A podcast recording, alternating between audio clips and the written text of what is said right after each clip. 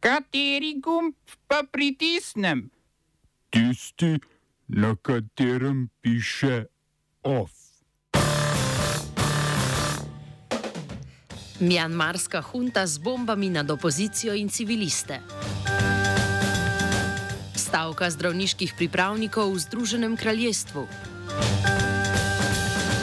Digitalizacija upoklica v rusko vojsko. Avstrija v podaljšanje nadzora na meji s Slovenijo. Mjanmarska vojska je izvedla zračni napad na vas Pazigi v regiji Sageng, znani kot glavno žarišče odpora proti vojaški hunti. Vojska je civiliste napadla med ceremonijo nastopa nove odporniške uprave v vasi. Ubila je okrog 30 ljudi. V Mjanmaru poteka državljanska vojna med vojaško oblastjo in gverilskimi skupinami, odkar je vojska z državnim udarom pred dvema letoma prevzela oblast, opozicijski protesti pa so prerasli mislil Borožen upor.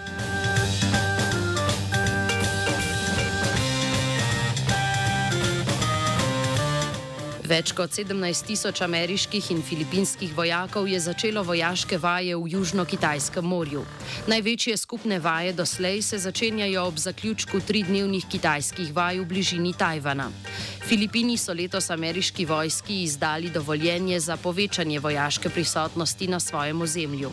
S Kitajsko so Filipini v sporu glede nadzora nad grebeni v Južno-Kitajskem morju, vsak se sklicuje na zemljevid iz obdobja, ko mu je pripadal večji del morja. Vojaške vaje je začela tudi ruska vojska. Vaje v Arktičnem morju se udeležuje slabih 2000 vojakov s 15 ladjami in 40 letali. Namen vaje je po izjavi ruske vojske zaščita severnih trgovskih poti.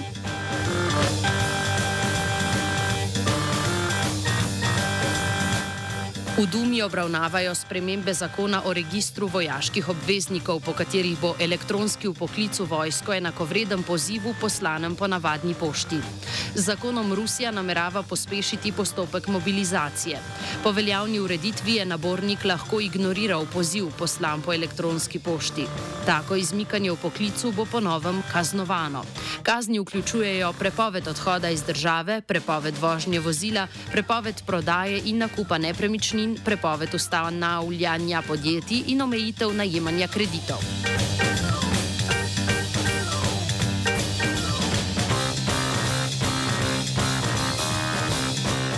Pentagon je nedavno razkritje tajnih dokumentov v zvezi z vojno v Ukrajini označil za veliko varnostno tveganje.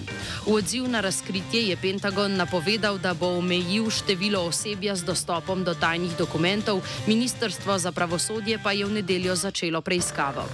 Dokumenti so se prejšnji teden pojavili na spletnih klepetalnicah Telegram, Discord in 4chan, vir pa ni znan. Ukrajinske oblasti so dokumente označile za Photoshop. Dokumenti razkrivajo stanje ukrajinske vojske, delovanje ameriških, ameriških obveščevalnih služb in njihove podatke. Tako je zdaj iz razkritih podatkov, ki so jih pridobivali američani, znano, da je Ukrajini začelo primankovati streljiva, predvsem protiletalskih raket. Razkriti so položaji ukrajinskih enot in njihova številčnost ter napoved ukrajinske pomladne protiofenzive. Med dokumenti so tudi poročila o količini doslej poslane opreme in usposabljanju ukrajinskih vojakov z ameriškimi inštruktorji. Iz obveščevalnih podatkov je razvidno tudi, da je skušala ruska zasebna vojska Wagner prek Malja pretihotapiti orožje iz Turčije, ki je članica NATO. Kot izhaja iz dokumentov, so američani zaznali namero Egipta, da skrivaj pošlje 40 tisoč raket v Rusijo in dogovarjanje med Združenimi arabskimi emirati in Rusijo o sodelovanju pri protiobveščevalni dejavnosti.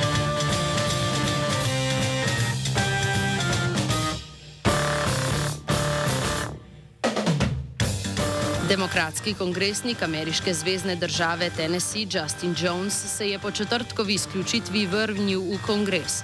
Za njegovo ponovno imenovanje so se brez glasu proti odločili v Nashvillskem mestnem svetu. Prejšnji četrtek je republikanska večina iz državnega zakonodajnega telesa izključila temnopolta demokratska poslanca Justina Jonesa in Justina Pearsona. Razlog za izključitev je bila njuna udeležba na protestu za strožji nadzor nad orožjem, ki je potekal v prostorih kongresa. Protestirali so po pokolu na šoli v Nešvilu. Belopolte demokratske poslanke, ki se je demonstracije prav tako udeležila, republikanci niso izključili iz kongresa. Justina Jonesa je Nešvilski mestni svet lahko ponovno imenoval državni kongres, saj v njem zastopa Nešvilski volilni okraj. O Pearsonovi vrnitvi bodo jutri odločali v okrožju Shelby. Imenovana sta sicer lahko kot začasna poslanca.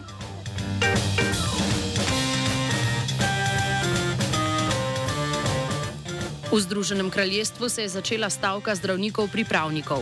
Po napovedi zdravniškega sindikata bo stavka trajala do sobote, med stavko bodo izvajali le urgentno oskrbo.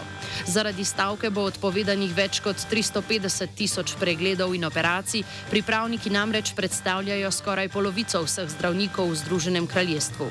Stavkajoči zahtevajo zvišanje plač za 35 odstotkov, saj se je zaradi inflacije realni dohodek mladih zdravnikov v zadnjih 15 letih zmanjšal zmanjšal za več kot 20 odstotkov. Ministr za zdravje in socialno oskrbo Steve Barkley je zahteve označil za nerazumne, kot pogoj za pogajanja pa je postavil prekinitev stavke. Smo se osamosvojili, nismo se pa osvobodili. Naslednje število je še 500 projektov izpiljene modele, kako so se strani nekdanje LDS rotirali. Ko to dvoje zmešamo v pravilno zmes, dobimo zgodbo o uspehu. Takemu političnemu razvoju se reče udar. Jaz to vem, da je nezakonito, ampak kaj nam pa ostane? Brutalni obračun s politično korupcijo.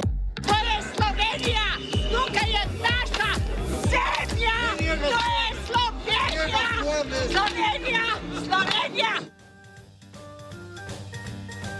Avstrijski notranji minister Gerhard Karner je napovedal podaljšanje začasnega nadzora na slovensko-avstrijski meji.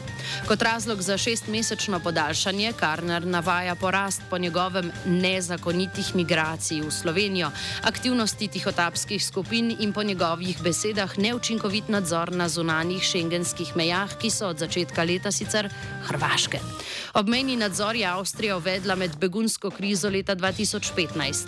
Slovensko zunanje ministrstvo je avstrijsko odločitev označilo za neutemeljeno, kot trdijo, varnostna grožnja ne obstaja. Programski svet Radio Televizije Slovenija je sklical izredno sejo, na kateri svetniki od vršilca dožnosti generalnega direktorja Andreja Graha Watmoa zahtevajo obraz, obraz, obraz, obrazložitev sodb Višjega delovnega in socialnega sodišča v Ljubljani. Prvo je odločilo, da je bilo imenovanje generalnega direktorja na položaj nezakonito, drugo pa, da je bila nezakonita njegova razrešitev direktorice Televizije Slovenija Natalije Gorščak.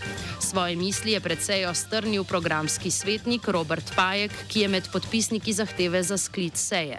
Kot član programskega sveta pa mislim, da je tudi zelo pomemben demokratični vodik tega položaja, zlasti v zvezi z legitimnostjo ukrepov, ki jih sprejmejo pristojni.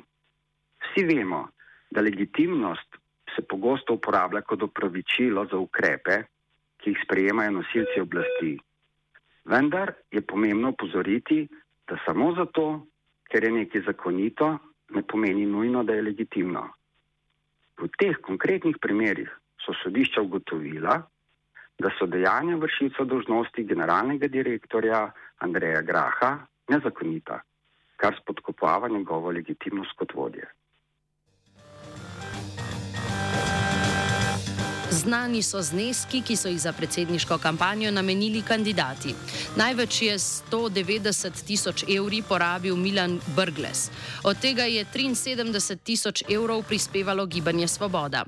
Drugi je Anže Logar s 175 tisoč evri, na tretjem mestu pa zmagovalka volitev Nataša Pirc-Musar, ki je za kampanjo zbrala 125 tisoč evrov. Anže Logar je večino denarja zbral z individualnimi donacijami, Logar osebno pa je vložil 19 tisoč evrov. V kampanjo predsednice je največ prispevala družina Musar skupaj z organizatorko kampanje Darinko Pavlič Kamjen in sicer 75 tisoč evrov. Kandidati, ki so prejeli več kot 10 odstotkov glasov, so upravičeni do denarnega nadomestila v višini 12 centov na glasovnico. Občutno manj od drugih kandidatov sta za kampanjo namenila Miha Kordiš, ki je porabil 8500 evrov, in Sabina Senčar, ki je porabila 5000 evrov. OF je pripravil vajenec Matej, mentorirala je Neva.